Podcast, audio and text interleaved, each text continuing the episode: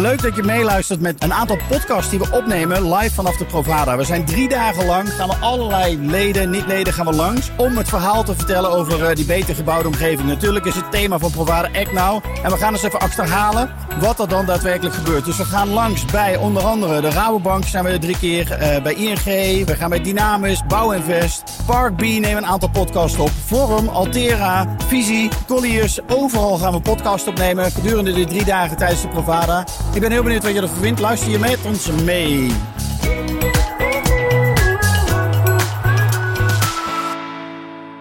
We zijn eh, live op de Provada. We staan op de stand van Vorm. En we gaan het eh, samen met Daan van, eh, van Gol en met, eh, met Robin de Ridder hebben over natuurinclusief eh, bouwen. Mooi Heren, te zijn. Ja. welkom. Ja, Dank je. leuk. Voordat we het over natuurinclusief bouwen gaan hebben, natuurlijk ook even Provada. Hoe is Provada voor jullie tot nu toe? Het is vandaag tweede dag. Bijna tijd om te borrelen. Precies. Dat, eh, daar zitten we tegenaan teken weer. Ja, Ja, toch? een eh, goede eerste dag gehad. Veel mensen weer gesproken. Goed weerzien van veel mensen. En uiteindelijk weer, eh, ja, ook weer met een borrel afgesloten. Dus Ja. dat eh, gaan we vandaag weer eh, halen, denk ik. Mooi. En voor jou, Daan? Ja, hetzelfde eigenlijk. Heel veel eh, bekenden natuurlijk gesproken. En eh, ook nieuwe mensen ontmoet. En eh, ook, ook gewoon collega's li- beter leren kennen die je anders niet vaak spreekt. Dus het is, eh, ja, het is een leuke dag geweest. En eh, gaan we gewoon nog een keer doen. Mooi. hey, jongens, ehm, enorme bouwopgave hebben we. 1 miljoen woningen, 900.000 woningen, wordt ook wel soms, eh, soms gezegd, moeten erbij komen in Nederland. Welke kansen liggen hier om gelijktijdig ook die natuur eh, een betere plek te geven, wat, wat betreft eh, voor jullie? Ah, ik Daan. zie wel enorme kansen eigenlijk. Want eh, hoe ik het zie, natuur toevoegen is echt een laaghangend fruit. Om maar weer in de metafoor te blijven. Ja, je, het kost eigenlijk niet heel veel en je krijgt er superveel voor terug. Je maakt maar wij als vastgoed zijn, zijn toch alleen maar bezig om stenen te stapelen? Wat nou natuur? Ja, nee, maar kijk. eh, je, je- het is makkelijk. Je kunt heel makkelijk eh, eh, kwaliteit toevoegen aan een woonplek door te vergroenen. Mensen kijken. Eigenlijk iedereen houdt van, eh, van natuur. Iedereen vindt het mooi. Iedereen wordt er kalm van. Het heeft zelfs wetenschap bewezen. een positief effect op de gezondheid, op Ja. concentratie. Dat allemaal. Dus je het is- creëert plekken, een betere plekken waar mensen beter kunnen leven. Precies, je verhoogt gewoon leefkwaliteit. Wat is dat voor jou? Ja, een beetje Robin? hetzelfde. En als ze dan eh, ja, richting vastgoedtermen, je zegt net stenen stapelen en kwaliteit toevoegen, wat Daan zegt, is kwaliteit toevoegen ook uiteindelijk een hoge vrije naamprijs eventueel al kunnen realiseren. Ja, Eh, dus het stukje voor, aan de voorkant investeren in, in veel groen en ja, eh, een stukje kwaliteit krijg je onderaan de streep dan weer terug. terug. Ja. Ja, nou, mooi. Hey, hoe pakken jullie dit aan als vorm zijn? Hebben jullie een voorbeeld waar jullie dit ook daadwerkelijk aan het toepassen zijn?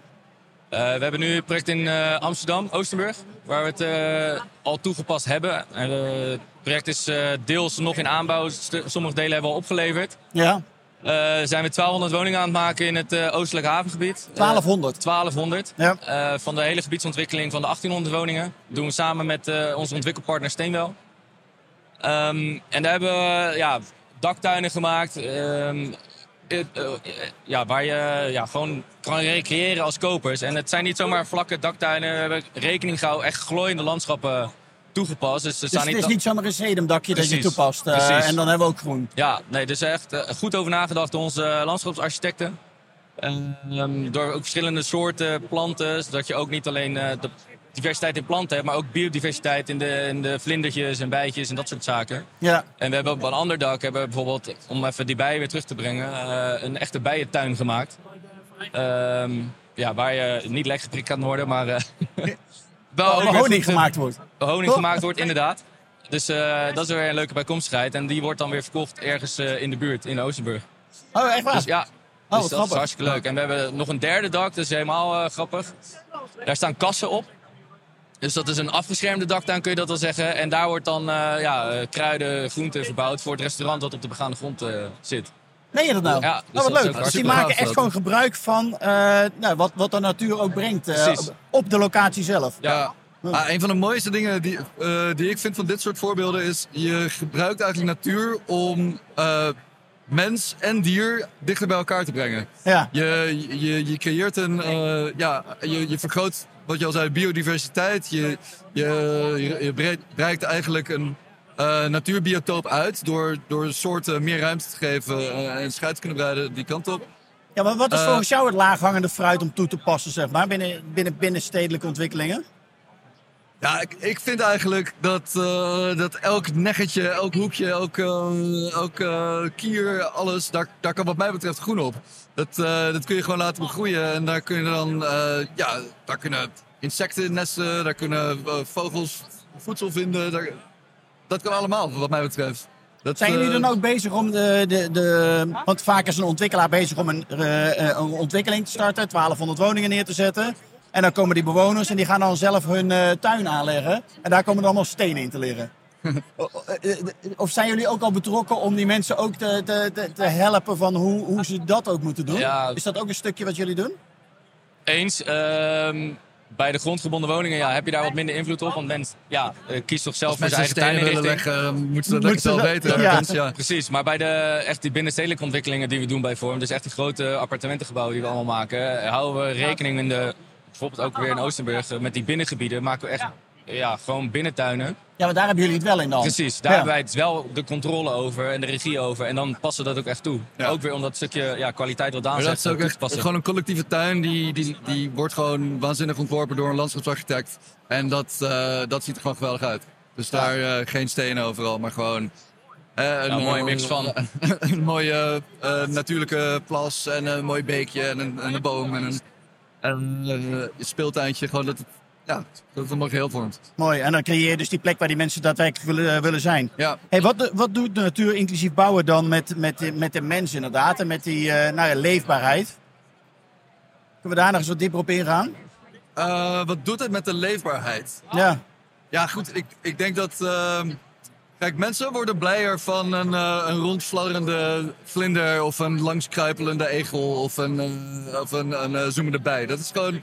Je, je beweegt je graag in de natuur. Ieder, iedereen, iedereen is daar hetzelfde in. Je kunt van een gevel kun je nog wel eens denken van. Nou, vind ik qua architectuur nou niet een meesterwerk. maar niemand heeft echt kritiek op een boom. Nee. Weet je, dat is altijd gewoon wel, eh, wel, Nee, wel wat, je, prettig. wat je bijvoorbeeld ook in coronatijd zag natuurlijk. Iedereen zat thuis te werken en opgehokt. En iedereen ging wandelen. De Iedereen natuur ging naar in. buiten. Precies, Ja. iedereen Ja. ging naar buiten. En om dan het stukje natuur van de Veluwe of weet ik veel waar...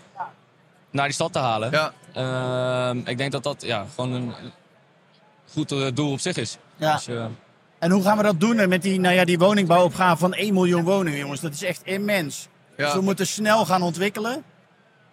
Ja, ik, eh, ik, ik zou eigenlijk alle gemeentes op eh, uitdagen om uh, natuurinclusiviteit te betrekken in hun eh, gronduitgaven. Dus eh, ja, zet het in de tender. De, Zouden zij het ook meer moeten doen wat jou betreft? Nou ja, in, in Amsterdam gebeurt het echt al heel veel. Eigenlijk. eh elke Daan tender- trekt, de andere Daan trekt even een lange neus. eh, Hallo mensen.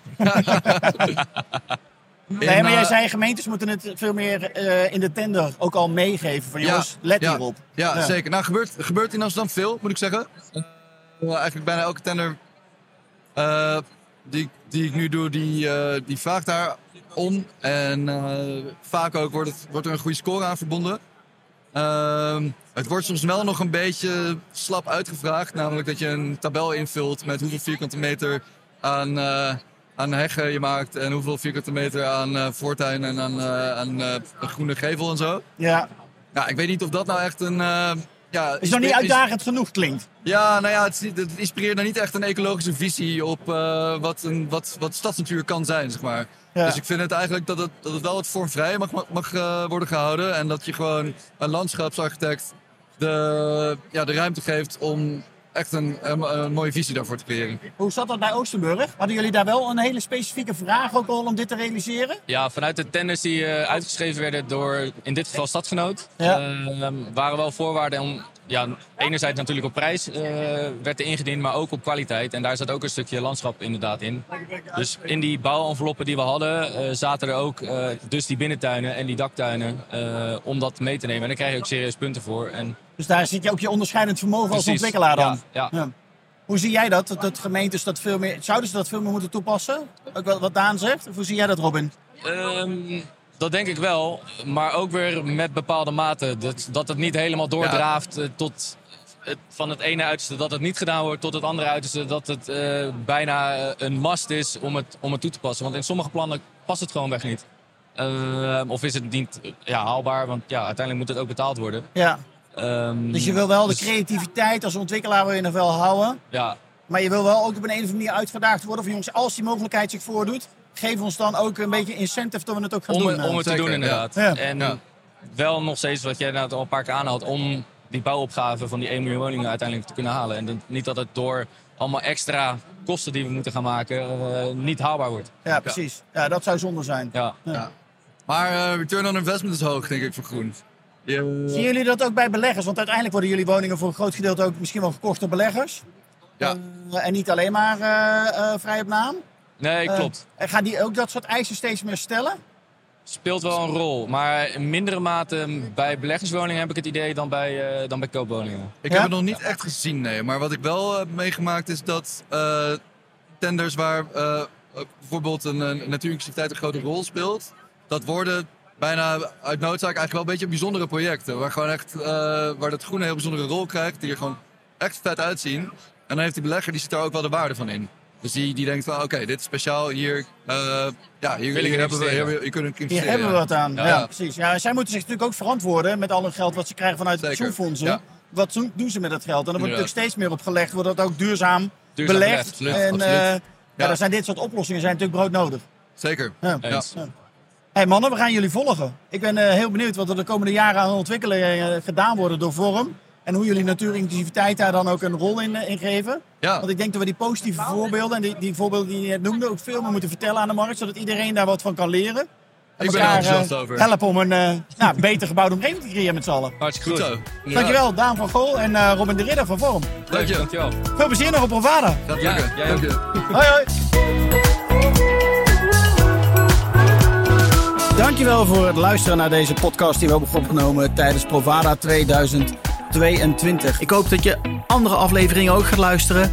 Maar ik hoop dat je natuurlijk ook een keer naar ons clubhuis komt in Amsterdam. Waar wij om de twee weken een masterclass organiseren over verschillende onderwerpen. Maar ook altijd op de eerste vrijdag van de maand een draait door show maken. Een echte tv-show met publiek aanwezig. Waarbij we natuurlijk borrels organiseren. Zodat mensen elkaar kunnen ontmoeten en netwerken met elkaar. Zodat er een beter gebouwde omgeving gecreëerd kan gaan worden. Ik hoop je snel te zien. Of in ieder geval online of fysiek. En ik wens je nogmaals een hele fijne dag toe. Tot snel!